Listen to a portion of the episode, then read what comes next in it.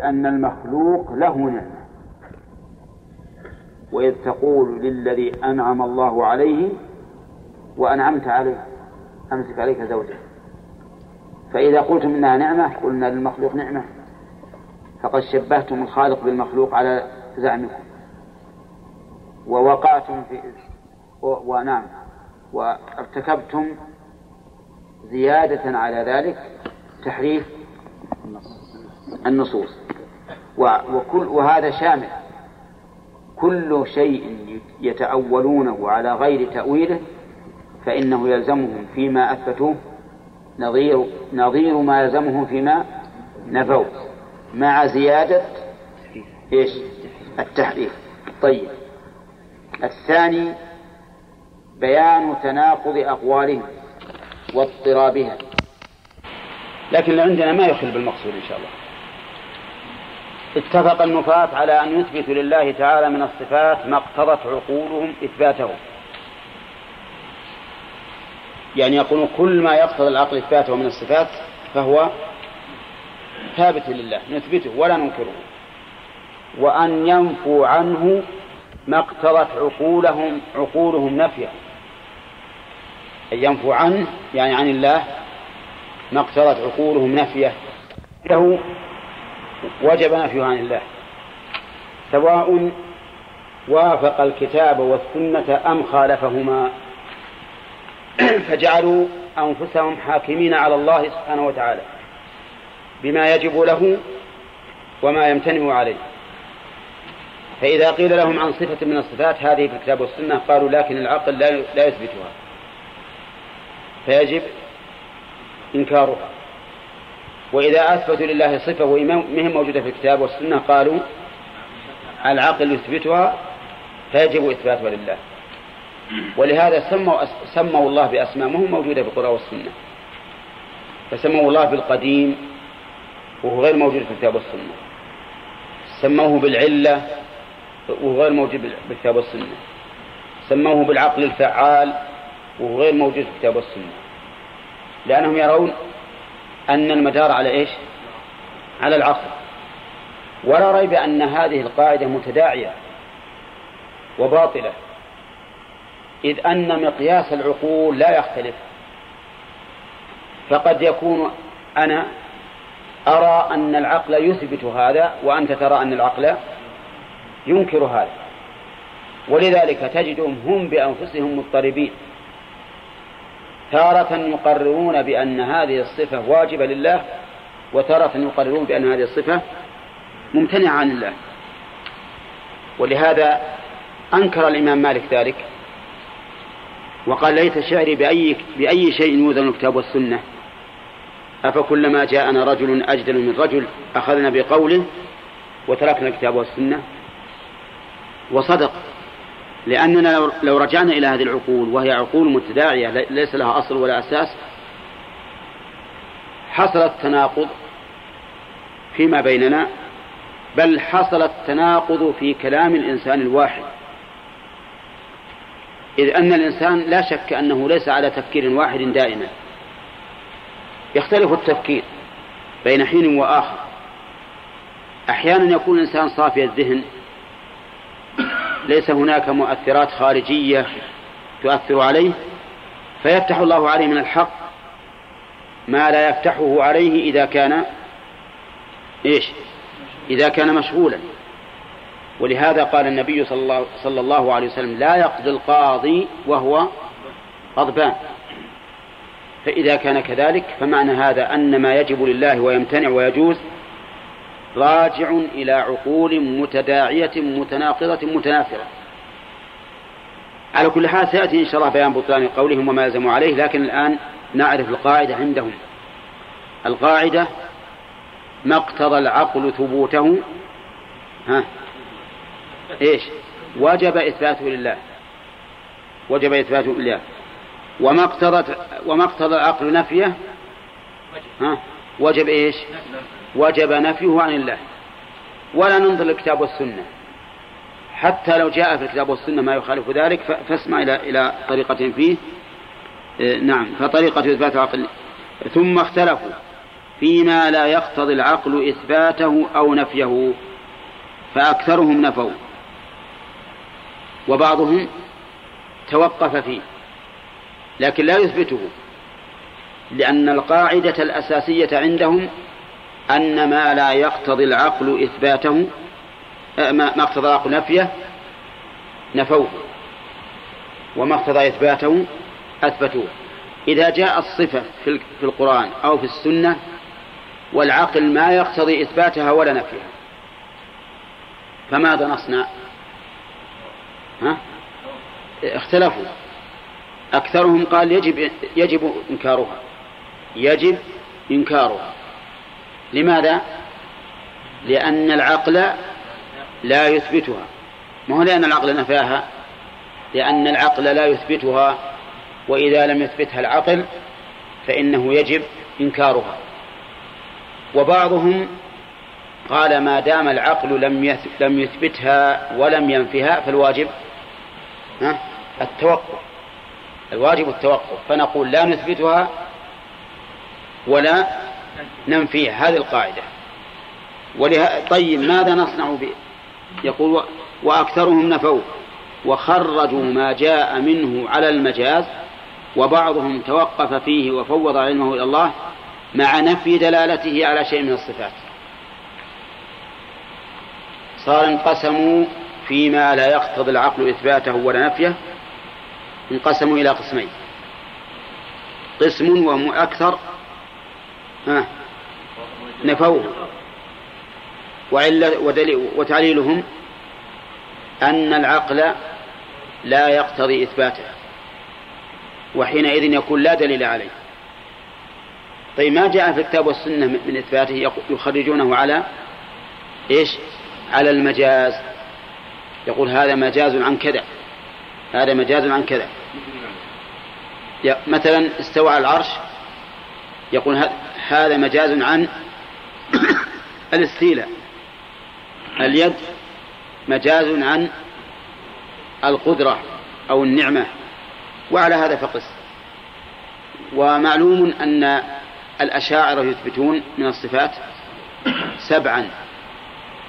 يقولون إن العقل دل عليها وينكرون الباقي يقولون لأن العقل لم يدل عليها أو لأن العقل ينفيها. والصفات السبع التي يثبتونها أنشدناكم بيتا فيما سبق في إثباتها. ما هو؟ آه. له الحياة له الحياة والكلام والبصر سمع إرادة وعلم واقتدر. القدرة. يقولون لأن العقل دل عليها. العقل دل عليها. كيف دلالة العقل عليها؟ الحوادث دلت على القدرة. أولى. أو على العلم. الحوادث دلت على العلم ولا على القدرة؟ يقولون الحوادث دلت على القدرة والإحكام دل على العلم. الإحكام يدل على العلم والتخصيص دل على الإرادة. ولا لا؟ طيب إيش معنى التخصيص دل على الإرادة؟ يعني كون هذا سماء وهذه أرض وهذا نجم وهذا شمس وهذا قمر وهذا إنسان وهذا جمل وش يدل عليه؟ على الإرادة. عندنا الآن علم وإرادة وقدرة. يقول هذه الثلاث لا تقوم إلا بحي. فتثبت الحياة صفة الحياة. والحي إما أن يكون سميعا بصيرا متكلما أو أصم أعمى أخرس. ولا لا؟ والثاني ممتنع. فلازم أن يكون سميعا بصيرا متكلما. أفهمتم الآن تقريرها, تقريرها بالعقل عندهم؟ من يستطيع أن يعيدها علينا؟ ها. واحد اثنين. والله واحد منكم يمد يده ويرد على طول. ها؟ تنقل المكتاب طيب لأنها لأنها إيش؟ إذا ما مسك وش الفائدة؟ لا في أن يكون مجازا طيب بماذا نرد عليهم بالطريق العقلي نرد عليهم بالطريق العقلي من وجهين الوجه الأول أن نقول هب أن العقل لا يدل على ما نفيت من الصفات. هب أن العقل لا يدل على ما, ما, ما نفيت من الصفات. فإن السمع دل عليه. فيجب إثباته. لأن انتفاء الدليل المعين لا يلزم منه انتفاء المدلول. لأن الشيء قد يكون له أدلة متعددة. فانتفاء دليل واحد عنه لا يعني أنه انتفى أولى. الوجه الثاني أن نقول إنه يمكن إثبات ما نفيتم بطريقة العقل على الوجه الذي ذكرتم فيما أثبتموه فأنتم ذكرتم أن التخصيص يدل على الإرادة. ونحن نقول إن إثابة الطائعين يدل على المحبة والانتقام من المجرمين يدل على البغض والكراهة والإنعام المتواتر على الأمم يدل على الرحمة ولا لا؟ وأيما أدل على الصفة ال ال الإنعام المتواتر على العباد من نزول المطر ونبات الأرض وزوال النقم. أيما أبلغ دلالة هذه الأشياء على الرحمة أو دلالة التخصيص على الإرادة؟ ها؟ الأول أبلغ وأبين وأظهر لأن الأول حتى العام اللي في السوق لو تقولوا المطر هذا من آثار إيش؟ وش يقول لك؟ من آثار رحمة الله. ودني على إيش؟ قال على رحمة الله بعباده ولا لا؟ لكن لو تجي العام تقول تعال السماء والأرض والنجم والشمس وش يدل عليه؟ يبي يقول لك على القدرة حقيقة يبي يقول على القدرة لأن ما حد يقدر يصنع مثلها لكن هل يدري أنها دليل على التخصيص على الإرادة؟ ولا ما يدري؟ أبدا ما يدري. فالحاصل أننا نرد على هؤلاء بمثل ذلك. والمقام هو مقام لكن ذكرناه على سبيل التمثيل. أما المعتزلة والجهمية المقتصدون من الجهمية بعد يقولون إن الله تعالى لا يمكن أن يوصف بصفة ثبوتية أبدا. لأنك إن أثبتت له صفة ثبوتية شبهته بالموجودات. بالموجودات. فنقول لهم وإذا وإذا وصفتموه بالصفات العدمية شبهتموه بماذا؟ بالمعدومات. فتكايس بعضهم. وقال أنا أنا أنفي عنه الأمرين. لا أثبت ولا أنفي. فلا أقول فأقول لا أقول إن الله موجود ولا معدوم. ولا سميع ولا أصم. ولا أبكم ولا متكلم. نعم. ولا أعمى ولا بصير. وش يصير هذا؟ ها؟ نقول الآن شبهته بالممتنعات. ها؟ يمتنع أن يكون الشيء لا موجودا ولا معدوما. فالشيء إما موجود ولا معدوم. يمتنع أن يكون الشيء لا سميعا ولا بصيرا. قال أما قولك لا سميعا ولا بصيرا فليس بممتنع يوجد شيء لا سميع ولا بصير. وهو ما لا يقبل السمع والبصر. مثل الجدار. والله هذا عندي جدار مو هو بسميع ولا بصير. يصلح ولا لا؟ ها؟ يصلح. لأن نفي النقيضين عما ليس بقابل لهما ممكن. أولى طيب نقول له أولا إن قولك إن هذا لا يقبل أو, لا أو يقبل هذا اصطلاح فقط عندك أنت. وإلا فإن الله تعالى قال في الأصنام أموات غير أحياء. ومعلوم أن الصمد جماد. الصنم جماد. عندك لا يقبل الحياة ولا الموت. ووصفه الله تعالى بأنهم أموات غير أحياء بعد. فهذا قولك قابل وغير قابل هذا اصطلاح اصطلحته أنت. وليس هو الواقع الموافق لما تقتضيه اللغة العربية. وإذا سلمنا جدلا لك وقلنا إنه يمكن أن يكون الشيء لا سميعا ولا أصم إذا كان غير قابل للاتصاف بهما ولكن ما قولك في الوجود والعدم؟ أنت تقول إني ما أصف الله بالوجود ولا بالعدم. والوجود والعدم متقابلان تقابل السلب والإيجاب لا تقادم الملكة والعدم. أولى. ها؟ والسلب المتقابلان تقابل السلب والإيجاب لا بد من وجود أحدهما عقلا. فلا يمكن أن تنفي عن الشيء أنه ها؟ لا موجود. يعني لا يمكن أن تصف الشيء بأنه لا موجود ولا معدوم أبدا. بل لا بد أن يكون إما موجودا ها؟ وإما معدوما. كما لو قلت هذا الشيء ليس ساكنا ولا متحركا. يمكن هذا ولا لا؟ ما يمكن.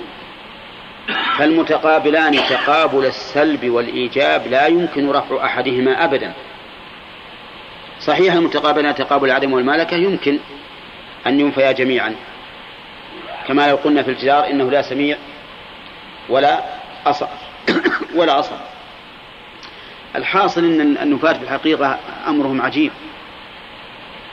والغريب أنهم يسمون أنفسهم بالفلاسفة والعقلاء والحكماء يسمون أهل يسمون أهل السنة والجماعة أو السلف يسمونهم الحشوية والنوابت والغثاء نعم والسطحيين وما أشبه ذلك. ما عندهم العمق اللي اللي عند هؤلاء. ومعلوم أن الإنسان يبي يبي يدعي لنفسه مرتقا صعبا ويدعي لغيره نزولا. كل إنسان يفعل هذا. لكن الكلام على الحقائق. نرجع إلى موضوع الدرس. آه الآن هؤلاء الجماعة اتفقوا على مسألتين. كل النفاة. على أن ما أثبته العقل وجب إثباته. وما نفاه؟ وجب نفيه. ثم اختلفوا فيما لا يقتضي العقل إثباته ولا نفيه فأكثرهم إيش؟ نفاه. وماذا يخرج ما جاء في الكتاب والسنة؟ يخرجه على المجاز. وبعضهم توقف فيه وفوض علمه إلى الله. قال والله الله أعلم. لكن شوف التناقض. مع نفي دلالته على شيء من الصفات. يقول أنا أقول الله أعلم لكنه لا يدل على صفة من الصفات. وش بهذا الكلام؟ هذا تناقض. كيف تفوض العلم الله ثم تقول لا يدل على شيء؟ إذا ما فوضت؟ بل حكمت بماذا؟ بأنه لا يدل بالنفي. وهذا أيضا من التناقض عند هؤلاء الطائفة الواقفة. عندها هذا التناقض الذي أشار إليه المؤلف. الله أعلم. أن ما أثبته العقل ها؟ أثبتوه بقطع النظر عن كونه موجودا في الكتاب والسنة. وما نفاه ها؟ نفوه. سواء كان موجودا في الكتاب والسنة أم لا. وما لم يقتضي العقل إثباته ولا نفيه. فأكثرهم نفاه وبعضهم توقف فيه وقال لا أثبته لأن العقل لا يثبته ولا أنفيه لأن العقل لا ينفيه وتقدم أن هذه الطريقة طريقة فاسدة وأننا لو أخذنا بها لكان لكان لكانت صفات الله سبحانه وتعالى موكولة إلى من؟ إلى عقول البشر وعقول البشر لا شك أنها مختلفة اختلافا كثيرا. حتى إن الواحد من هؤلاء المتكلمين يثبت في بعض كتبه ما كان ينفيه في الكتب الأخرى ويثبت لله ما كان يقول فيما سبق إنه مستحيل عليه ويحيل على الله ما كان يقول من قبل إنه واجب له. فهذه الطريقة باطلة.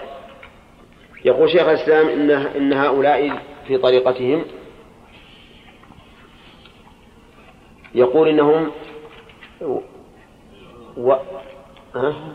وهم يزعمون أنهم وفقوا بهذه الطريقة بين الأدلة العقلية والنقلية ولكنهم كذبوا في ذلك لأن الأدلة العقلية والنقلية متفقة على إثبات صفات الكمال لله تعالى وكل ما جاء هذا مهمة القاعدة الأخيرة وكل ما جاء في الكتاب والسنة من صفات الله فإنه لا يخالف العقل وإن كان العقل يعجز عن إدراك التفصيل في ذلك.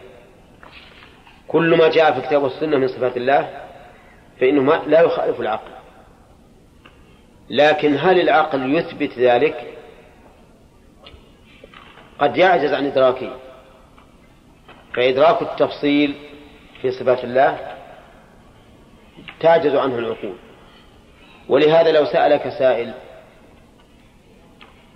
هل العقل يدرك أو يثبت استواء الله على العرش؟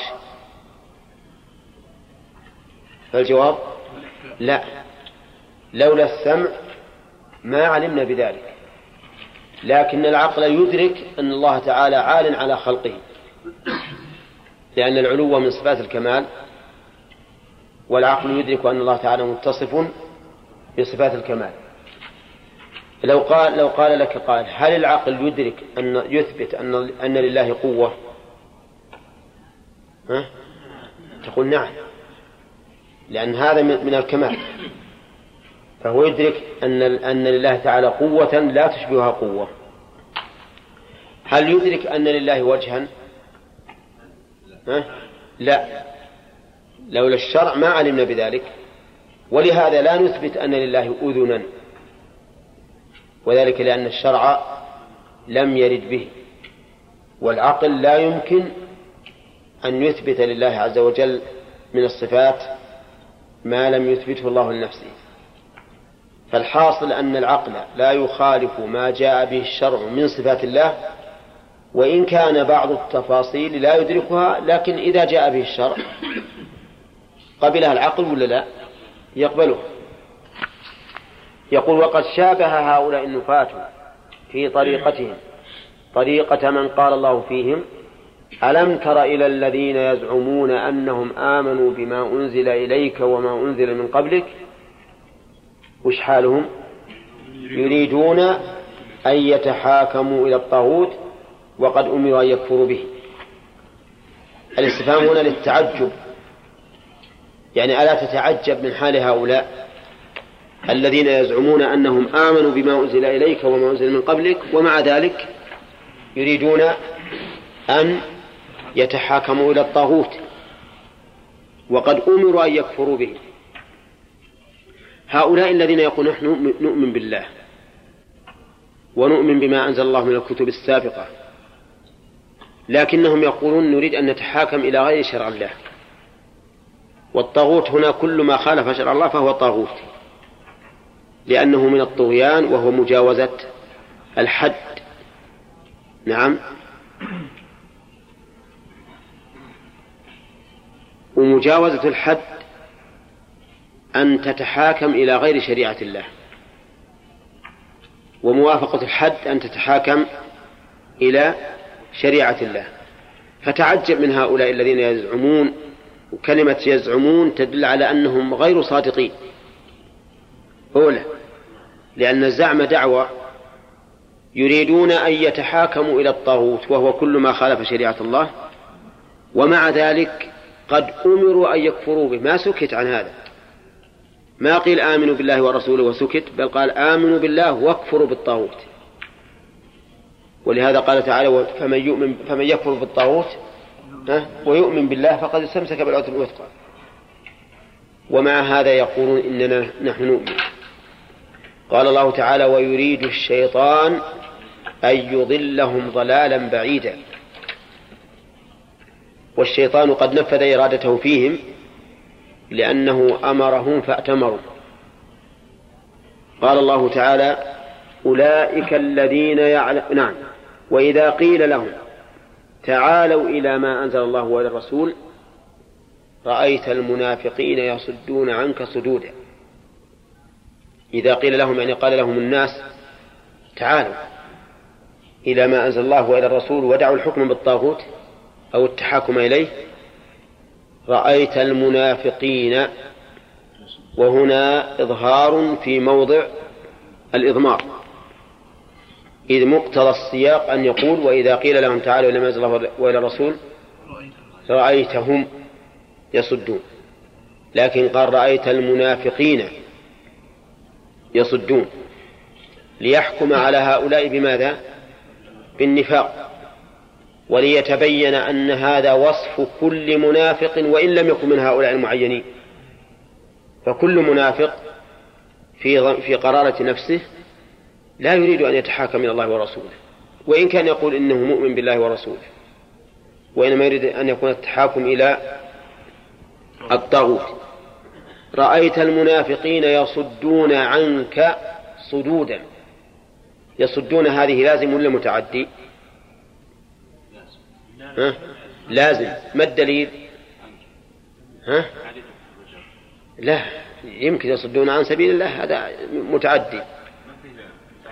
لأن المصدر صدودا إنما هو للفعل اللازم. نعم. صد يصد صدودا كقعد يقعد قعودا. ولو كان المراد يصدون عنك يعني يصدون الناس عنك لقال يصدون عنك صدا كيردون ردا. فكلمة صدود تدل على أن المراد بقوله يصدون أي بأنفسهم. هم إذا تعالوا أعرضوا. صدوا ولم يقبلوا. خلاف المؤمنين المؤمنين إذا ذكروا بآيات ربهم ها لم يخروا عليها صما وعميانا بل يأتون إليه مقبلين بآذان سامعة وأعين باصرة. نعم. يقول رأيت المنافقين يصدون عنك صدودا. أتى بصدود لفائدتين. أولا تأكيد الصد. يعني صدودا حقيقيا. مثل وكلم الله موسى تكليما فالمصدر مؤكد. الفائدة الثانية إفادة أن هذا الصدود صد صدود عظيم لتنكيره. يعني يصدون عنك صدودا بالغا لا يرجى فيه إقبال بعد.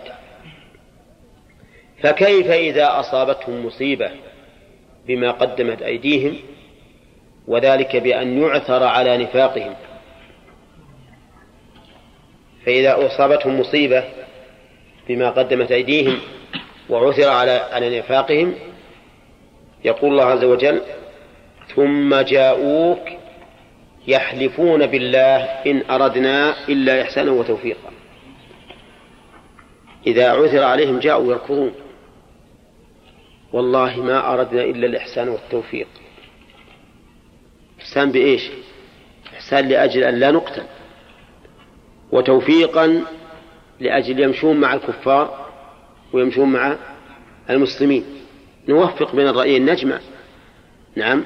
وهذا والعياذ بالله من النفاق من أعظم المداهنة. أنهم يقولون نبي, نوفق بين هؤلاء وهؤلاء. إذا لقوا الذين آمنوا قالوا آمنا وإذا خلوا إلى شياطينهم قالوا إن معكم. نشوف المطابقة في في المشابهة بين هؤلاء النفاة وبين هؤلاء المنافقين. وجه المشابهة؟ أو من وجوه. أولا أن كل واحد من الفريقين والمراد بالفريقين من؟ النفاة والمنافقون. النفاة الذين نفوا ما أخبر الله به عن نفسه وما أخبر به عنه رسوله صلى الله, صلى الله عليه وسلم والمنافقون في عهد الرسول عليه الصلاة والسلام. كل منهم يزعم أنه مؤمن بما أنزل على النبي صلى الله عليه وسلم مع أنهم لا يقبلون كل ما جاء به. وإذا وجه واضح؟ ها؟ وجه واضح. هؤلاء النفاة يقول آمنا بالله. وآمنا بكتاب الله وآمنا برسول الله وآمنا بسنة الله رسول الله. ومع ذلك إذا جاءهم شيء من آيات الصفات ها يقبلونه ولا ما يقبلون؟ ما يقبلون. قال استوى على العرش قال ما يستوي على العرش؟ كيف استوى على العرش؟ أجل الله جسم مثل الإنسان يروح يجلس على الكرسي هذا شيء حرام. حرام عليك أنت مجسم أنت كافر. نعم. هكذا يقولون. يقول صراحة. أي إنسان يثبت أن الله استوى حقيقة العرش يقول أنت مجسم وأنت كافر. لأنك اعتقدت أن الله جسم. هل هذا قبل ما جاء بالقرآن؟ أبدا والله ما قبل. الله عز وجل استوى أضاف الاستواء إلى نفسه المقدسة. الرحمن على العرش استوى. كيف تقول أنت ما استوى؟ قال لما خلقت بيدي قال ما نقبل أن الله له يدين أعوذ بالله. الله له يدين. هذا حرام. تجسيم كفر وضلال. طيب وش تقول باليدين؟ قال أقول باليدين القدرتين. نعم. لما خلقت بقدرتي. وش قدرتين الله؟ قال لما خلقت ما تقبل قدرتين؟ قلنا ما نقبل. قال لما خلقت بنعمتي. واليد تطلق بمعنى النعمة. وش النعمتين؟ ها؟ الله ما له إلا نعمتين. وإن تعدوا نعمة الله لا تحصوها. نعم. كيف ما له إلا نعمتين؟ وما هما النعمتين اللي خلق الله فيهما آدم؟ وهكذا ما جاء في الصفات. ينزل إلى السماء الدنيا ثم ينم رأسه. أعوذ بالله. ينزل الله إلى السماء الدنيا. هذا هذا الكفر بعينه. وش اللي ينزل؟ قال اللي ينزل أمره. أمره. ينزل أمره إلى السماء الدنيا. طيب وبس والأمر ما ينتهي ما يصل إلى الأرض؟ والله يقول يدبر الأمر من السماء إلى الأرض. قال ما تقبل الأمر؟ ما نقبل الأمر. ينزل الرحمة. تنزل رحمته إلى إلى السماء الدنيا. طيب ورحمة في الأرض ما تنزل؟ فانظر إلى آثار رحمة الله كيف يحيي الأرض بعد موتها. وما فائدتنا في رحمة تنزل إلى السماء الدنيا ولا تصلنا نعم. قال ما تقبل؟ قلنا ما نقبل. قال ينزل ملك من ملائكته. نعم. طيب الملائكة ما تصل إلى الأرض؟ والرسول يخبر بأن بأنه يتعاقب فينا ملائكة بالليل وملائكة بالنهار. قال ما نقبل لازم هذه ما نقبل أن الله ينزل بنفسه. طيب وهل الملائكة يمكن تقول من يدعوني فأستجيب له؟ يمكن تقول هذا؟ ها؟ لأن اللي ينزل يقول ينزل ربنا إلى السماء الدنيا فيقول من يدعوني هل يمكن تقول الملائكة من يدعوني؟ لو تقول الملائكة من يدعوني فأستجيب له كفرت. ولا لا؟ لأن ادعت نفسها الربوبية. الرحمة يمكن تقول من يدعوني فأستجيب له. نعم؟ عجيب. ما يمكن. لكن مع ذلك يقول نحن نؤمن بما جاء عن الله ورسوله. ثم يأتون بمثل هذه الأمور العظيمة التي تنبني العقيدة عليها ثم ينكرونها. إما متأولين إذا لم يستطيعوا رد النص وإما مكذبين للنص. أي نعم. فهم يشبهون هؤلاء المنافقين. الوجه الثاني أن هؤلاء النفاة إذا دعوا إلى ما جاء به الكتاب والسنة من إثبات صفات الكمال لله تعالى أعرضوا وامتنعوا. تعال أثبت أثبت ما أثبته لنفسه. أثبت اليد أثبت الوجه أثبت العين. أثبت الساق أثبت القدم. نعم. قال ما نثبت. يعرض وينسل. نعم. وينخنس. ويقول دع الكلام في هذا. تلك أمة قد خلت لها ما كسبت وما كسبت. لا تثير هذا الكلام بين الناس. نعم. هذول راحوا. اسكت بس اجلد.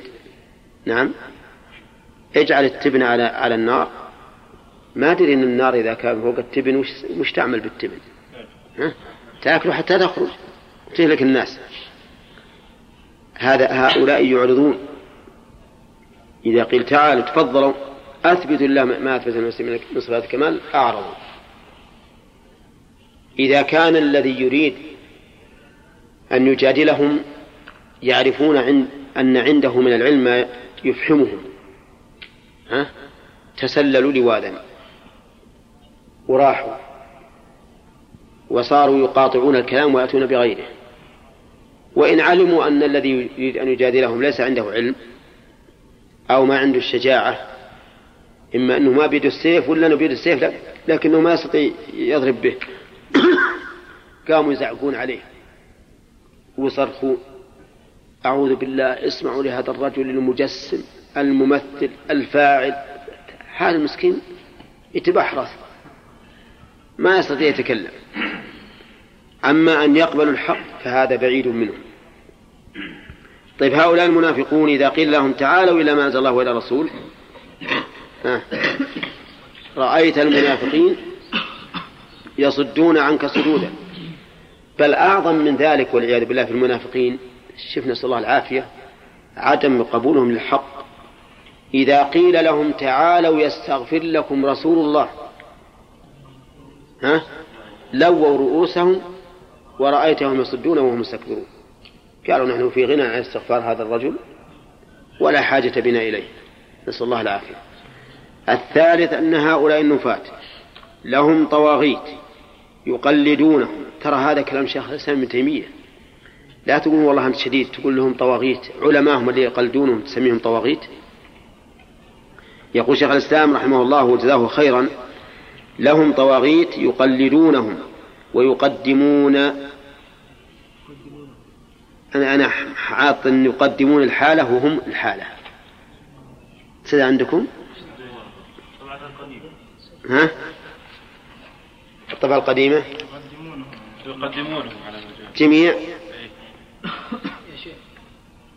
نعم. يقلدونهم ويقدمونهم على ما جاءت به الرسل. ويريدون أن يكون التحاكم عند النزاع إليهم لا إلى الكتاب والسنة كما أن إلى آخره. تجي لما تقول مثلا تعال مثلا إلى ما قال الله وقال رسوله يقول لك والله قال فلان وقال فلان من علمائهم الذين يتبعونه. قال ابن عربي قال ابن تلمساني قال ابن سينا قال فلان قال فلان من هؤلاء الطواغيت. ما يقبلون ما جاء به الرسول. لأنهم كيف كيف يتوصلون إلى إلى رد ما جاء بالرسول؟ ما يقول ما نقبل محمد صلى الله عليه وسلم لأنه منافق. يقول أن هل أنت أعلم أم فلان؟ نعم. إن قلت أنا أعلم قال كذبت. فلان أعلم منك. فلان البحر الذي لا ساحل له وأنت وش أنت حتى تعترض على فلان؟ ثم يقول هذا القول هو الصواب لأنك أنت ما عندك علم وإن كان عندك علم ما عندك فهم وهؤلاء هم العلماء الفطاحل. نعم فلا فالقول قولهم يقول هؤلاء المنافقون أيضا إيه، كما أن أولئك المنافقين يريدون أن يتحاكموا إلى الطاغوت وقد أمروا أن يكفروا به. الوجه الرابع أن هؤلاء النفاة زعموا أنهم أرادوا بطريقتهم هذه عملا حسنا وتوفيقا بين العقل والسمع كما أن أولئك المنافقين يحلفون أنهم جاءوا أنهم ما أرادوا إلا إحسانا وتوفيقا. هذه أيضا مشابه واضح المتكلمون من المعتزلة والجهمية والأشاعرة ونحوهم. يقولون نحن سلكنا هذه الطريقة للجمع بين العقل والسمع. فنحن نقول في يدي الله المراد بهما النعمة ليش؟ قال لأن العقل ينكر أن تكون له يدان حسيتان حقيقيتان. ينكر هذا. والسمع قد قد قد جاء بهذا فيما ظاهره أنهما يدان حقيقيتان حسيتان. فيجب أن نوفق بين العقل وبين السمع. ونقول المراد باليدين ها إيش؟ النعمتان. هؤلاء الذين قالوا المراد كذا. هل هل آمنوا بالسمع؟ أبدا كيف يقول نحن نوفق بين السمع والعقل؟ إذا أردتم أن توفقوا بين السمع والعقل فاقبلوا ما جاء به السمع حتى تكونوا عقلاء لأن العاقل هو الذي يقول فيما لا يمكنه إدراكه بما جاء به الكتاب والسنة على ظاهره ما فيه قياس ولا فيه تأويل ولا شيء أمور غيبية ما يمكن للعقل إدراكها يجب أن تقبلها على ما جاءت به. هذه مهم من الأمور الاجتهادية التي للرأي فيها مجال. هذه أمور غيبية يقتصر فيها على ما جاء به, الشرع. نعم. يقول المؤلف لا هذا مني أنا. وكل مبطل يتستر في باطله. ويتظاهر بالحق فإنه يأتي بالدعاوى الباطلة التي يروج بها باطله. نعم.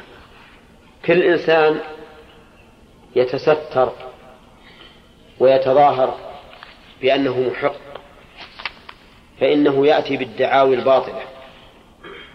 مثل أن يقول هذا قول المحققين هذا ما أجمع عليه الناس. هذا ما دل عليه العقل. هذا ما يقتضيه الكمال. وما أشبه ذلك. ولهذا لما ذكر المبتدعة أن هذا هو إجماع أهل الحق نقل للإمام أحمد هذا قال وما يدريه. من ادعى الإجماع فهو كاذب. وما يدريه لعلهم اختلفوا. وبين رحمه الله أن مثل هذه الدعاوي كلها يقولها من كان على باطل. يقول هذا قول المحققين هذا هو الصواب هذا هو الحق إلى آخره. وكل يستطيع أن يدعي هذه الدعوة ولا كل يستطيع. وإذا قيل لهم المنافقون إذا قيل لهم لا تفسدوا في الأرض وش يقولون؟ إنما نحن مصلحون. سبحان الله. كل إنسان يدعي أنه على إصلاح. حتى الشيوعية الملحدة الكافرة وش تدعي أنها بسلوك هذا المسلك؟ ها؟ تدعي الإصلاح وأن هذا هو الإصلاح في الأرض وأن طريقة ماركس ولينين هي هي الإصلاح. أما ما جاءت به الرسل فهذا خرافة وليس فيه إصلاح. وما هو إلا عقول بالية أكل عليها الدهر وشرب ونفدت. فالحاصل أن هذه الوجوه الأربعة التي اشترك فيها أولئك القوم الذين حكى الله عنهم مع هؤلاء النفاة. وأما طريقة أهل السنة والجماعة والحمد لله فإنها سليمة تتمشى على ما جاء به الكتاب والسنة. والله أعلم. هذا اليوم يقول لازم على طريقة النفاة لوازم باطلة. ونحن لا بد أن أن نعرف ما معنى اللازم. معنى اللازم الشيء الذي يترتب على الشيء لزوما لا محيد عنه. هذا اللازم. الشيء الذي يترتب على الشيء لزوما لا محيد عنه. يعني بحيث يقول يلزم من كذا كذا وكذا. واللازم قد يلتزمه الملزم ويقول نعم أنا أقول بذلك. ويطرد قوله. وقد لا يلتزمه ويقول إن هذا ليس بلازم ثم يذكر العلة يقول ليس بلازم لأنه كذا وكذا. نعم. وقد يكون اللازم لم يطرأ على بال الملزم إطلاقا بأن يقول الإنسان قولا ولا يتصور ماذا يترتب على هذا القول من اللوازم ولو أنه تصور ذلك أو نبه له لكان بين أمرين إما أن يجيب وإما أن يلتزم باللازم وإما أن يرجع عن قوله. ثلاث أمور. إما أن يجيب ويبقى على قوله. أو يلتزم باللازم ويبقى على قوله أو يرجع عن قوله وهذا أيضا وهذا كثير كثير من الأقوال يقولها أهل العلم. ثم إذا رأوا أنه يترتب على هذا القول لوازم باطلة نعم سلكوا أحد المسالك الثلاثة.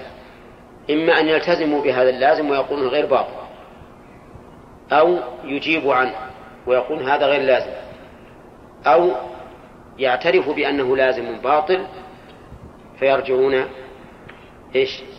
عن قوله لأن القول إذا ترتب عليه أمر باطل كان دليلا على أنه باطل. ولهذا نقول هل لازم القول قول؟ أو ليس بقول؟ نقول أما إذا كان القول من كلام الله وكلام رسوله فلازم قولهما قول. وذلك لأن قول الله ورسوله صادر عن علم وحق. أليس كذلك؟ فالله تعالى عندما يقول قولا يعلم ماذا يترتب عليه وماذا يلزم منه. وكذلك النبي صلى الله عليه وسلم. فيكون لازم قولهما فليس بقول للملزم. ليس قولا له. ولا يمكن أن ينسب إليه.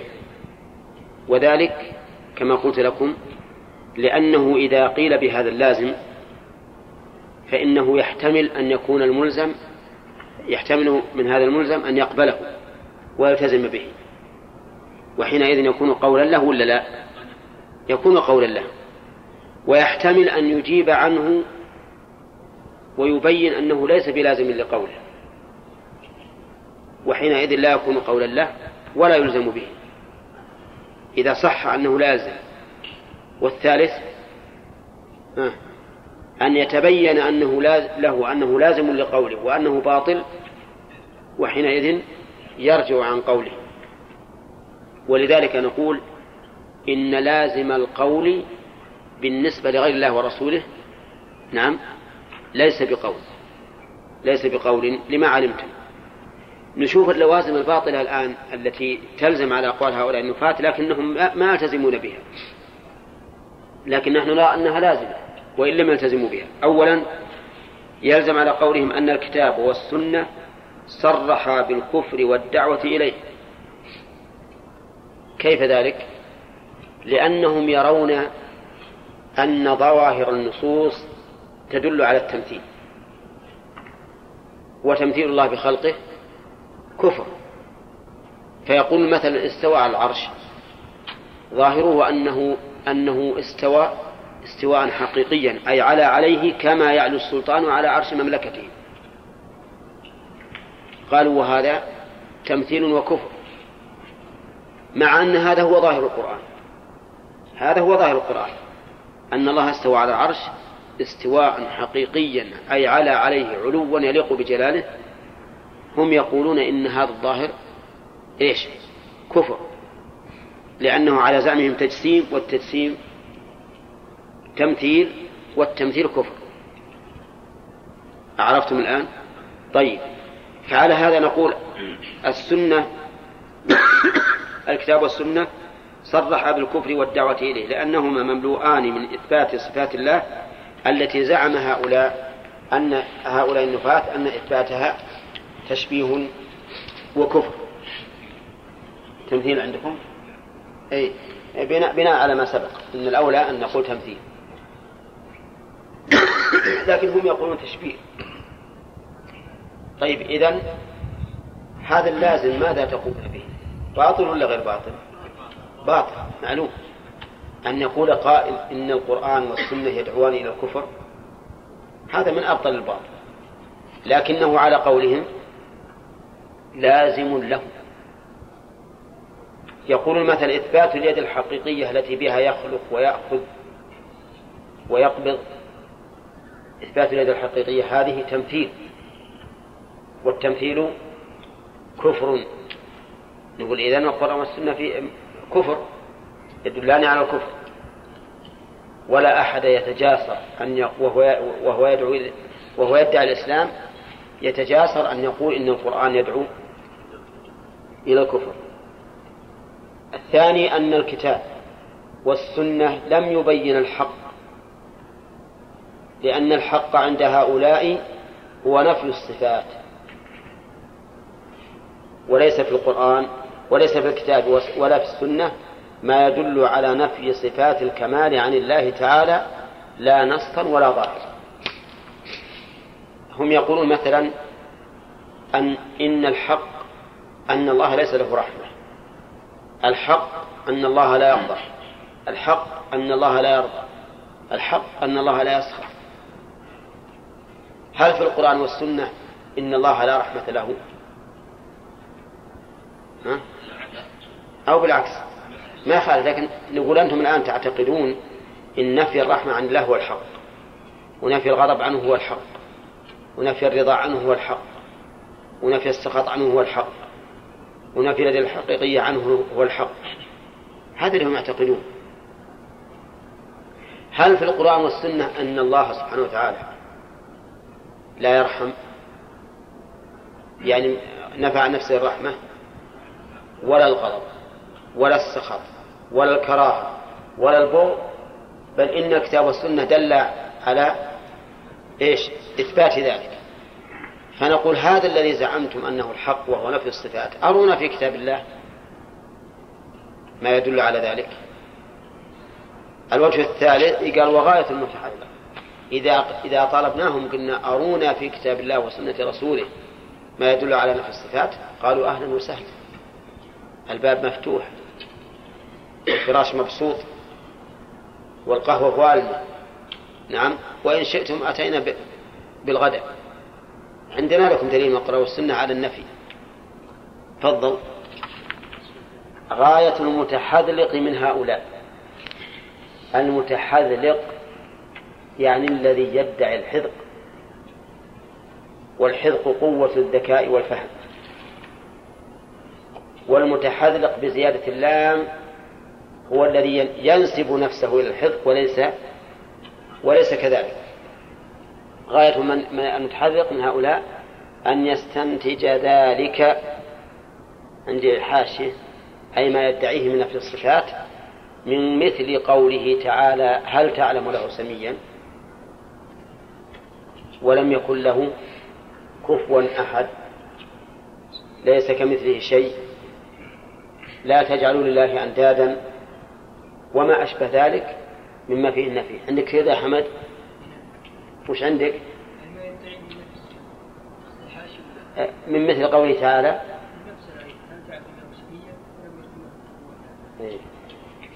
طيب يقول هذا الدليل. هذا الدليل على النفي. هذا الدليل على النفي. فكر في الموضوع أنت. هل فيه دليل؟ هل قال الله إنه لا يرضى لا يغضب لم يستوى على العرش لا ينزل السماء الدنيا وما أشبه ذلك؟ لا. قال هل تعلم له سميا أي هل تعلم له أحدا يساميه ويشابهه؟ لم يكن له كفوا أحد لا أحد يكافئه في قوته ولا في سمعه ولا في بصره ولا في غير ذلك من صفاته. هذا معنى الآية الذي لا يحتمل سواه. ومن المعلوم تعليقا على هذا الاستدلال ومن المعلوم لكل عاقل أن المقصود من أمثال هذه النصوص إثبات كمال الله تعالى. كذا يا عيسى؟ وش المقصود؟ إثبات الكمال. وأنه سبحانه وتعالى لكماله لا شبيه له في صفاته. يعني لا مثيل له في صفاته ولا يمكن. نعم. إذا إذا قلنا لم يكن له كفوا أحد وش المعنى؟ يعني ليس له صفة ها؟ بالعكس المعنى لا يماثله أحد في صفاته إذ نفي المماثلة عن الشيء دليل على وجود أصل الشيء ولو لم يكن أصل الشيء موجودا لكان نفي المماثلة ها؟ لغوا من القول لا فائدة منه فهذه الآيات الآيات وأشباهها على عكس ما قال هؤلاء. تدل على إثبات الصفات لكن تدل على الكمال. الذي لا يساوي في لا يساويه فيه أحد. نعم. ولهذا لما قال القائل ليس كمثل الفتى زهير. وش يفهم المخاطب؟ إن زهير أصم أعمى أبكم بخيل جبان زمن مشلول ها؟ ولا بالعكس ها؟ بالعكس لا أحد يفهم من مثل هذا التعبير أنه ما في ما في أحد ما في صفات ما يفهم من هذا التعبير إلا أنه لكمال صفاته ها؟ ليس له مثيل ولا لا يا عبد الرحمن؟ ما ما زهير هو الممثل له زهير هذا رجل يمدح ممدوح. يقول ليس كمثل الفتى زهير أحد. يعني ما مثل أحد. ما مثل أحد بإيش؟ بأنه لا صفة له. أقول بأنه لا صفة له ولا بأنه كامل الصفات؟ أي نعم. هكذا ليس كمثله شيء يعني في, في كمال صفاته. نعم. ولا يمكن أن يراد بها بيان انتفاء الصفات عنه إذ لا ريب أن من دل الناس على انتفاء الصفات عن الله تعالى بمثل هذا الكلام فهو إما ملغز في كلامه أو مدلس أو عاجز عن البيان. لو أراد أحد أن يدل الناس على أن الله لا صفات له بمثل هذه بمثل هذه العبارة لكان إما ملغزا. تعرفون اللغز؟ وش هو اللغز؟ اللغز واللغز لا ما, ما زي الشيخ ها؟ الإلغاز ها؟ الإلغاز أن يأتي الإنسان بأمر على خلاف الواقع في ظاهره. على خلاف الواقع في ظاهره. نعم؟ ولكنه عند التأمل يكون حقا. رجل قال نهق حمار فبطلت صلاتي وش جاب الحمار للصلاة؟ رجل قال لما نهق الحمار بطل الصلاة ها؟ هذا لغز. ها؟ هذا قد يتقضوا كيف انتقل الوضوء ب... في وقت الإحداث إيه. لا. يتقضوا بعد أحداث لا لا لا لا لا ها؟ رجال لا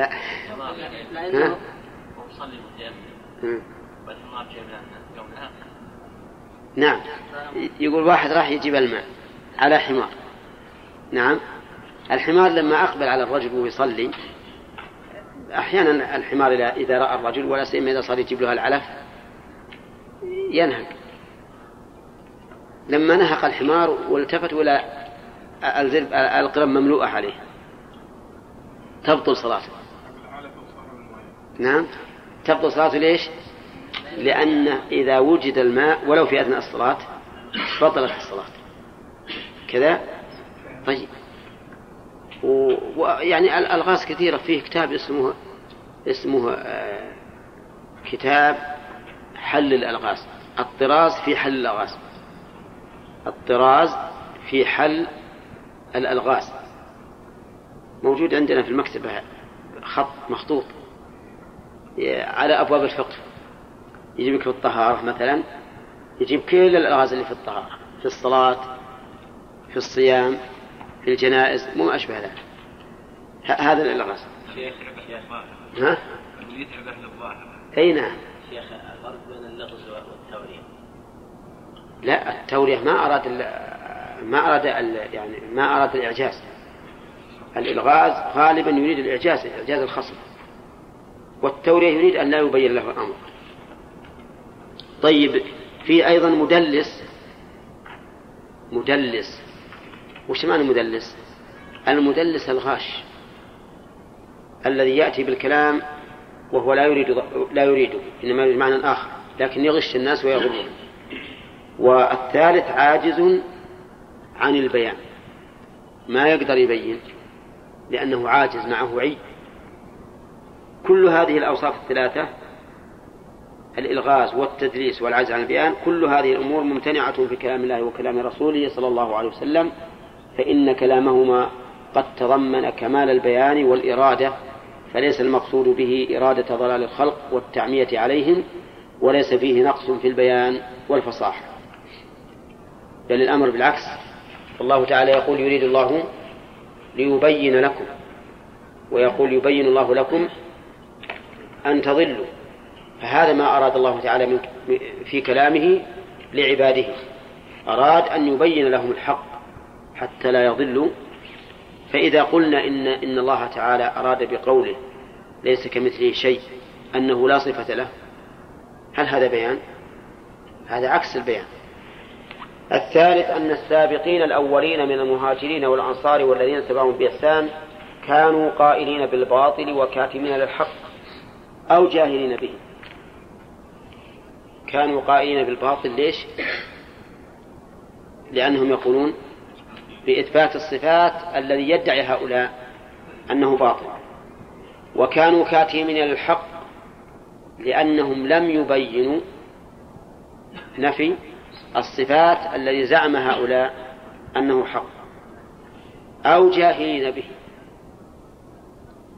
يعني ما يدرون عن الحق فصاروا يتكلمون بالباطل ولا يبين الحق لأنهم جاهلون. أنت إن وصفتهم بالجهل أو بالكتمان فكلاهما إيش؟ كلاهما قدح عظيم في الصحابة والتابعين لهم بإحسان.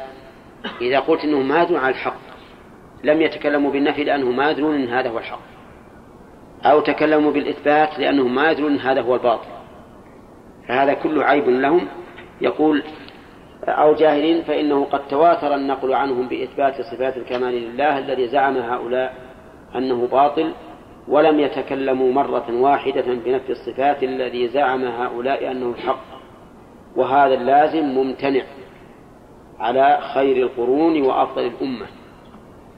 فإذا امتنع عليهم جهل جهل الحق وامتنع عليهم القول بالباطل وكتمان الحق دل هذا على أن ما قالوه هو الحق وهو إثبات الصفات. رابعا أنه إذا انتفت صفة الكمال عن الله لزم أن يكون متصفا بصفات النقص. هذا صحيح؟ الله عز وجل موجود موجود حقيقة. فإذا انتفت عنه صفات الكمال لزم أن يكون متصفا بالنقص. فإذا قلنا لا رحمة له ولا كلام له. وقلنا على رأي نفاة المحض لا سمع له ولا بصر له ولا حياة له. لأن المعتزلة يقول الله سميع بلا سمع وبصير بلا بصر وما أشبه ذلك. وش يلزم أن يكون؟ ها؟ متصفا بالنقص. إذا قلت ليس بسميع لازم أن يكون إيش؟ أصم. ولهذا قال إبراهيم لأبيه يا أبت لم تعبد ما لا يسمع ولا يبصر ولا يغني عنك شيئا.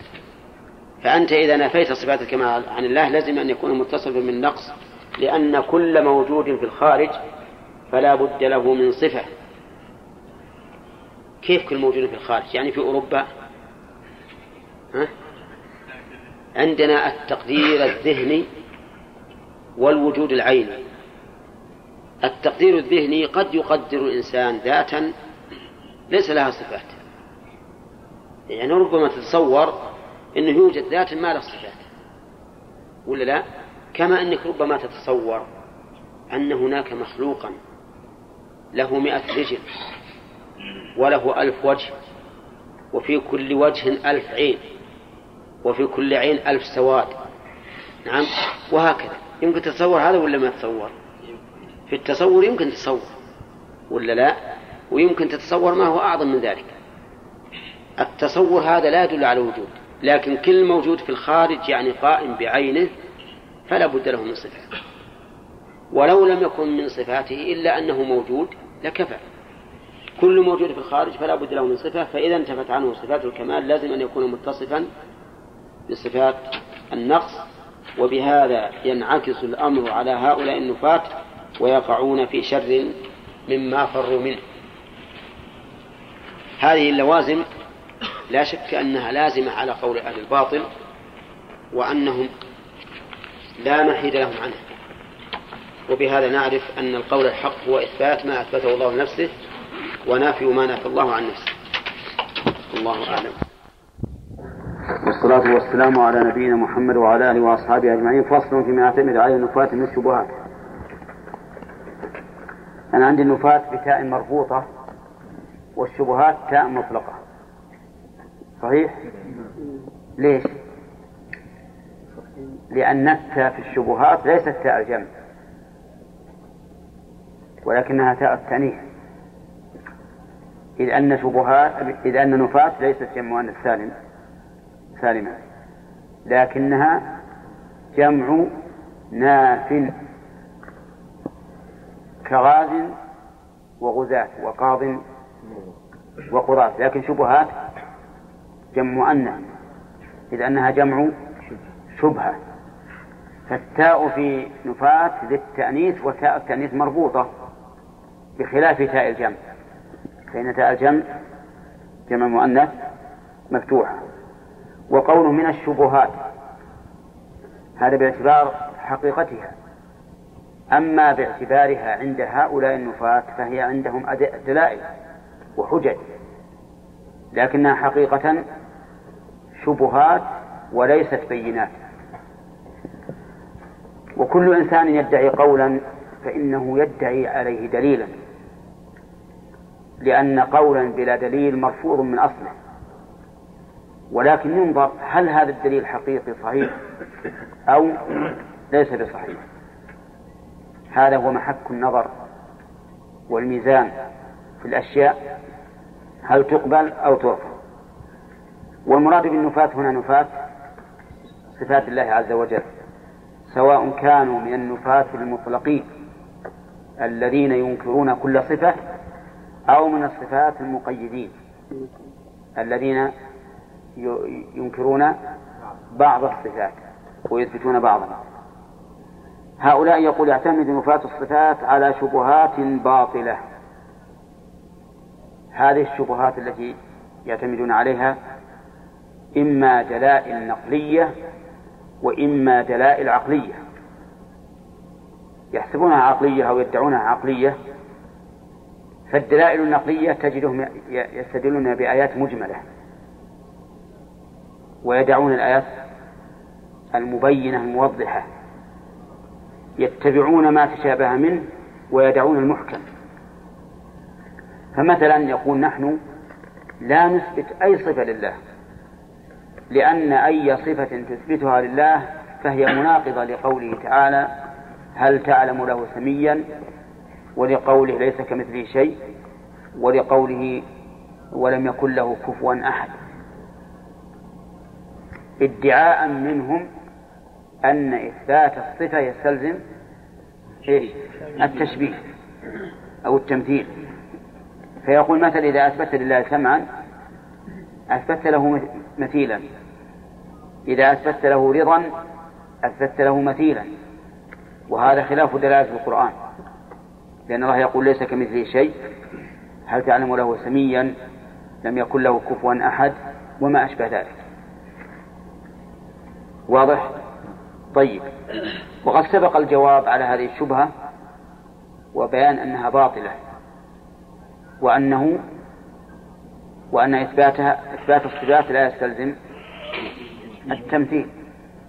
لأن نقول له سمع ليس كمثل سمعنا. بصر لا مثل بصرنا. وهكذا.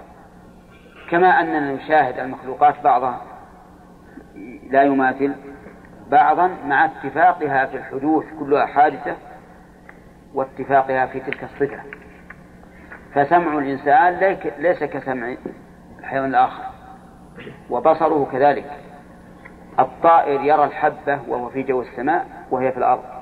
وأنت لا تراها. أليس كذلك؟ وهكذا بقية الصفات التي للمخلوقات. كلها لا يلزم من اشتراكها في الاسم أن تكون متماثلة في الحقيقة. وسبق لنا أيضا أن إذا نفينا عنه الصفات شبهناه بماذا؟ نعم بالمعدومات. شبهناه بالمعدومات فهمتم؟ وسبق لنا أن بعضهم كابر وقال لا أثبت ولا أنفي. فقال فقلنا إن هذا تشبيه بالممتنعات. لأن الشيء إما ثابت وإما منتفي. المهم الآن انتهينا من الكلام على شبهاتهم النقلية وهي الدلائل السمعية. بقينا بالشبهات التي يدعونها عقلية وليست بعقليات ولكنها وهميات. فمثلا يقولون غالب ما يعتمدون عليه ما يأتي. دعوى كاذبة. دعوى كاذبة. يعني يدعون دعوة ولكنها ليست بصواب باطلة. مثل أن يدعي الإجماع على قوله. فيقول أجمع أهل الحق على كذا وكذا. أجمع أهل الحق ويدع السلف ومن تبعهم على الجانب الأيسر طيب اللي يسمع كلمة أجمع أهل الحق على كذا وش يقول؟ يقول خلاف الإجماع كفر إذا لا يجوز أن نخالف هذا الإجماع ما دام أجمع وأهل الحق وفي وفي الحقيقة أن أن أهل الحق أجمعوا على خلاف ذلك. لكن هو يدعي يدعي هذا الشيء إما أن يصادف قلبا خاليا من العلوم فتشتبه عليه هذه العبارة ويأخذ بها أو يصادف قلبا واعيا عالما يعرف الباطل. أو يقول هذا هو التحقيق أو هذا قول المحققين. طيب اللي يقرأ الكتاب وهو ما يعرف المذهب المقابل وش يظن؟ ها؟ يقول خلاص ما دام هذا التحقيق من هذا من هذا المؤلف فيقبل أو قول المحققين أيضا فيقبل عرفتم؟ فإن قلت هذه العبارة أيضا يوجد مثلها في كلام السلف ويقول هذا التحقيق وهذا هو الحق وهذا أجمع عليه الصحابة وما أشبه ذلك فهم يقولون أنتم أيضا ادعيتم مثل ما ادعينا. فماذا نصنع؟ نقول بيننا وبينكم كتاب الله وسنة رسوله. فتفضل. ولا حقيقة أن أن دعوانا عليكم كدعواكم علينا. ولكن نقول المرجع في هذا إلى كلام الله وكلام رسوله ولننظر أينا أحق. بكتاب الله وسنة رسوله صلى الله عليه وسلم. أو يقول عن قول خصمه إنه إنه خلاف الإجماع. فيقول مثلا عن مذهب السلف إن هذا خلاف إجماع أهل التحقيق أو أهل الحق أو خلاف إجماع العقلاء وما أشبه ذلك. فالدعوة الأولى لإثبات قوله والدعوة الثانية لنفي قول غيره ورده. ومع ذلك فهي دعاوى كاذبة لا أساس لها من الصحة. ثاني شبهة مركبة من قياس فاسد مثل قولهم إثبات الصفات لله يستلزم التشبيه لأن الصفات أعراض والعرض لا يقوم إلا بجسم ويلزم متماثل الشبهة هذه مركبة من قياس فاسد؟ كيف قياس فاسد؟ لأنهم لأنهم يقولون إثبات الصفات لله يستلزم التشبيه. هذه دعوة معللة بماذا؟ لأن الصفات أعراض والعرض لا يقوم إلا بجسم. طيب والأجسام؟ متماثلة. كل النتائج والمقدمات هذه باطلة. فقولهم الصفات أعراض. هذا غير صحيح. قد تكون الصفات أعراضا وقد تكون لازمة. لأن الأعراض جمع عرض وهو الذي يعرض ويزول كالمرض والشبع والعطش وما أشبهه. فهل الصفات كلها أعراض؟ ها؟ أبدا. ما هي كلها أعراض؟ ثم قولهم العرض لا يقوم إلا بجسم غير صحيح. لأن العرض يكون للجسم ولغير الجسم.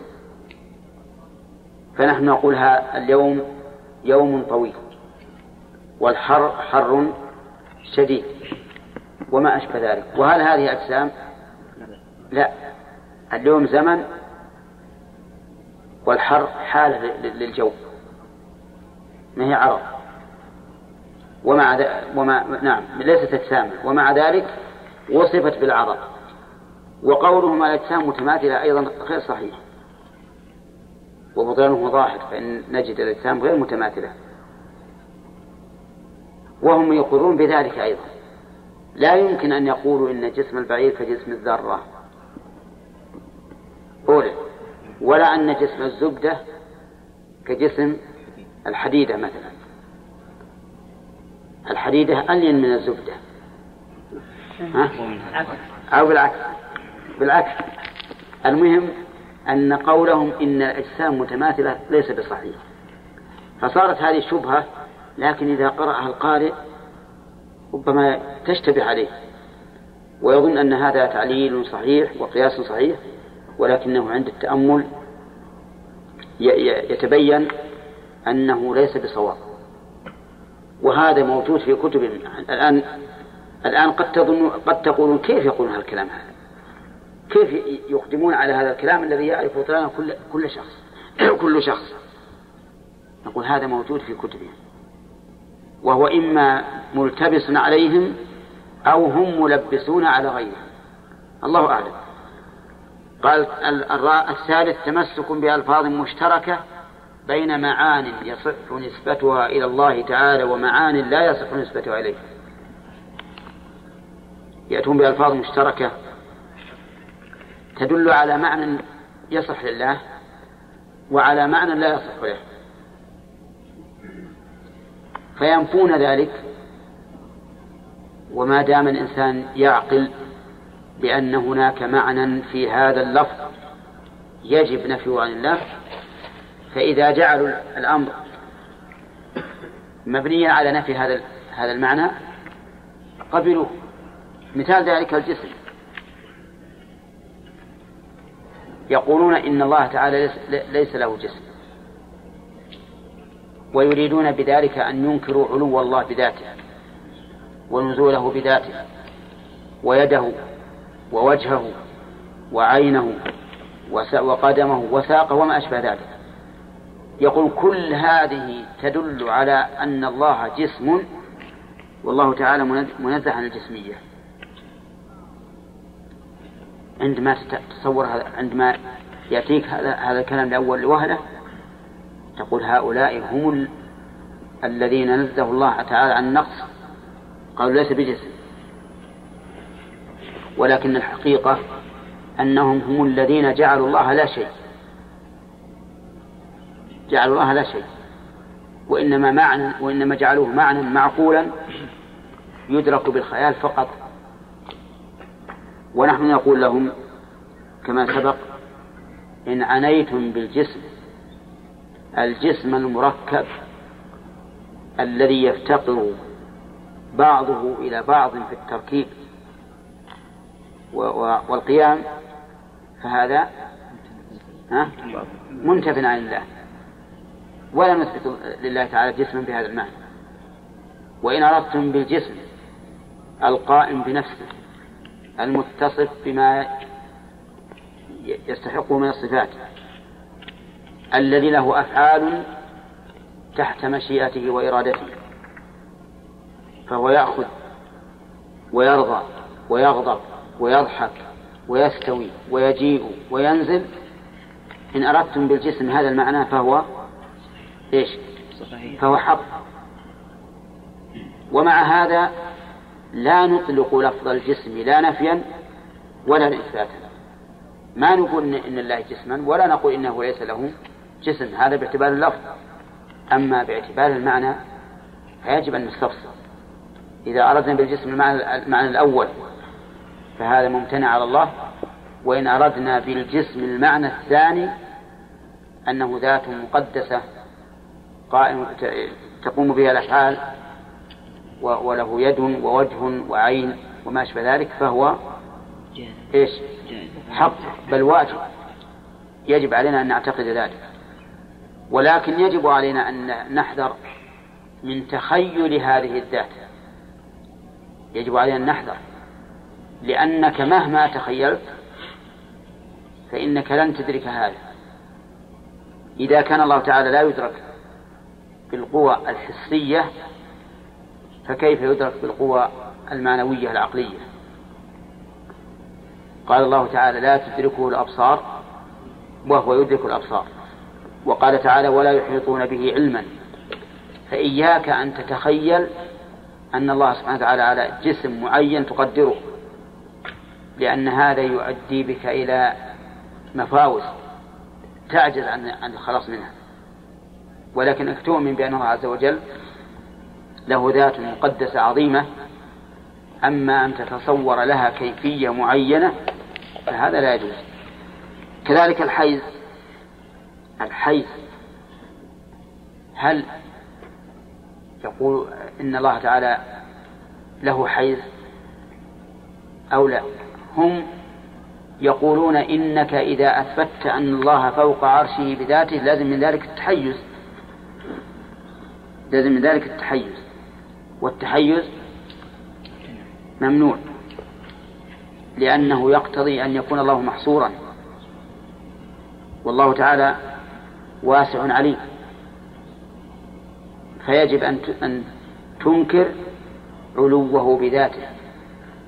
لئلا تقع في هذا في هذه الشبهة. وسبق لنا أن أن قلنا إن الحيز إن أريد به أن الله تحوزه المخلوقات وتحيط به فهذا باطل. كيف يمكن هذا؟ وقد وسع كرسيه السماوات والأرض وكرسيه موضع القدمين. وإن أريد بالحيز أنه منحاز عن الخلائق بائن منها فهذا آه هذا حق وصحيح. ومع هذا لا نطلق هذا اللفظ لا نفي ولا إثبات لأنه لم يرد في الكتاب والسنة إثباته لله ولا نفي عنه. فعلينا أن نتأدب وأن لا نتقدم بين يدي الله ورسوله لكن مع هذا لا يمكن أن نتخذ من نفي هذا هذا الاسم. نعم. أن نفي ما سم ما وصف الله به نفسه من الأفعال والصفات. طيب نحن لا نقول بالحيز ولا نقول بعدم الحيز. رحمك الله. لا لا شوف العبارتين. هل نحن نقول بعدم الحيز أو لا نقول بالحيز؟ نقول بالحيز. ها؟ لا نقول بالحيز؟ نعم. على سبيل الإطلاق. لأننا لو قلنا بعدم الحيز لكنا قد نفيناه. ففرق بين أن يقول أن يقول الإنسان بالنفي وبين أن ينفي القول. انتبهوا لهذه النقطة. نفي القول ليس قولا بالنفي. فأنا لا أقول إنه حيز بخلاف ما إذا قلت أقول إنه ليس له حي... ليس في حيز. واضح يا جماعة؟ إذا لو سئلت هل أنت تقول بنفي الحيز؟ أو لا تقول بالحيز لا أقول بالحيز لأنه فرق بين نفي القول وبين القول بالنفي. نعم. طيب. آه، يقول كذلك أيضا الجهة. الجهة يقولون إن الله تعالى ليس في جهة. يقولون الله ليس في جهة. والذين قالوا إن الله ليس في جهة انقسموا إلى قسمين. قسم قالوا إن الله تعالى في كل جهة وفي كل مكان. وهذا يقول به قدماء الجهمية وكل من يقول بالحلول من المعتزلة وغيره يقولون إن الله في كل مكان وحينئذ تنتفي الجهة ولا لا؟ تنتفي الجهة لأنه إن قلت أمام أخطأت. إن قلت فوق أخطأت. إن قلت تحت أخطأت. إن قلت يمين أخطأت. إن قلت شمال أخطأت. بل هو في كل شيء. لا تقيد. أو يقولون الذين ينكرون الجهة يقولون إن الله تعالى ليس في جهة إطلاقا. فليس فوق العالم ولا تحته. ولا يمين ولا شمال ولا أمام ولا خلف. فهمتم؟ إذن يصح أن نقول بأنه معدوم. لأنه إذا كان موجودا فلا بد أن يكون بأحد هذه الجهات. فإذا قلت ليس في هذه الجهات فمعناها العدم. ولها قال بعض العلماء لو قيل لنا صفوا العدم ما وجدنا أدق من هذا الوصف. العدم من ليس داخل العالم ولا خارجه ولا متصل ولا ولا منفصل ولا يمين ولا شمال ولا فوق ولا تحت ولا خلف ولا أمام. هذا العدم. فإذا الذين ينكرون الجهة صاروا ينقسمون إلى حمد نعم نعم. ينفون كل جهة. كذا ولا لا؟ طيب. وقد سبق لنا أن أيضا بطلان هذا هذا القول الثاني والأول. طيب فماذا نقول نحن في الجهة؟ لو قال لك قائل هل تقول إن الله في جهة؟ إن قلت نعم أخطأت. وإن قلت لا أخطأت. وإن فصلت أصبت. فإذا قلت في جهة أي أنه سبحانه وتعالى فوق السماوات وما وما حوله عدم لا يحيط به شيء. كل الخليقة تحته والفوق جهة عدمية. لا يحوده شيء من أي المخلوقات. فهذا ها؟ هذا صحيح. لأن الله تعالى فوق كل شيء. لا يحاذيه شيء أبدا وإن أردت بالجهة جهة. جهة تحيط به جهة تحيط به فهذا باطل لأن الله لا يحيط به شيء من مخلوقاته وإن أردت جهة سفل فهو أيضا باطل لأن الله تعالى فوق والدليل على ذلك على ثبوت الجهة فوق لكنه جهة عدمية معنى أن أنه لا يحيط بالله شيء في في مكانه. أن النبي صلى الله عليه وسلم سأل الجارية قال لها أين الله؟ أين الله وأين يستفهم بها؟ ها؟ عن المكان قالت في السماء. قال أعتقها فإنها مؤمنة. والغريب أن المنكرين لهذا منهم من يرد الحديث ورد النصوص عندهم سهل إذا لم تكن متواترة. ومنهم من يقول إن الاستفهام هنا عن الذات. يعني أين الله؟ وش؟ وش الله؟ وهل يعقل أن أن تكون أين في مثال السياق للذات؟ استفهام عن الذات أبدا. الرسول صلى الله عليه وسلم أعلم الخلق باللغة العربية وسألها بلفظ أين ولو كان أراد الاستفهام عن الذات لقال من الله؟ ولم يقل أين الله؟ طيب يقول المؤلف فهذه الألفاظ المجملة يتوصلون بإطلاق نفيها عن الله إلى نفي صفاته عنه.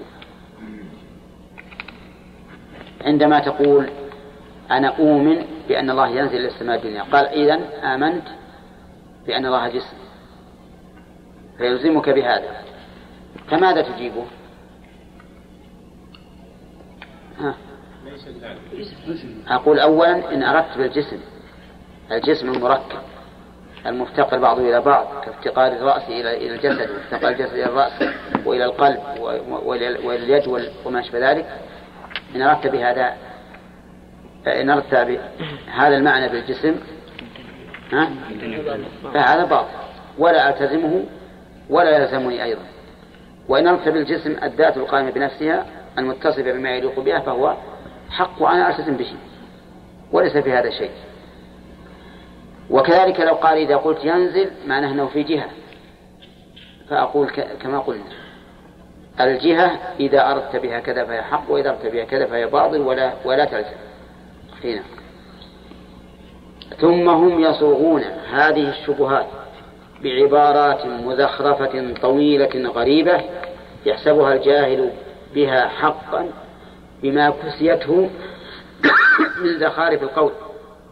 فإذا حقق الأمر تبين أو فإذا حقق الأمر تبين له أنها شبهات باطلة كما قيل حجج تهافت كالزجاج تخالها حقا وكل كاسر مكسور. الزجاج هل يقوم للحجر والحديد؟ ها؟ أبدا. بل ولا يقوم بعضه لبعض. كل كاسر ومكسور. لو ضربت الزجاجة بأخرى ها؟ انكسرت. أيهما اللي كاسر الثاني؟ كل واحد كل واحد كاسر ومكسور. هذه حجة أهل أهل الباطل. هذه حجة أهل الباطل. تظن أنها حق ولكنها باطلة تتهافت أمام الحق وكل واحد منها يكسر الأخرى. لو رجعت إلى كتبهم لوجدت التناقض العظيم بينهم حتى إن الواحد منهم يبطل ما قاله من قبل لكنه يبطله بحجة باطلة لأنه لا يبطله بحق فهي كلها باطلة. والرد على هؤلاء من وجوه. الأول نقض شبهاتهم وحججهم وأنه يلزمهم فيما أثبتوه نظير ما فروا منه فيما نفوه. وهذا مهم جدا. نقض الشبهات والحجج. مثال نأخذ مثالا لهذا. إذا قالوا المراد باليد القوة دون الحقيقة لأننا لو أثبتنا لله يدا حقيقية لازم أن يكون مماثلا للمخلوق حيث إن للمخلوق يدا. عرفتم؟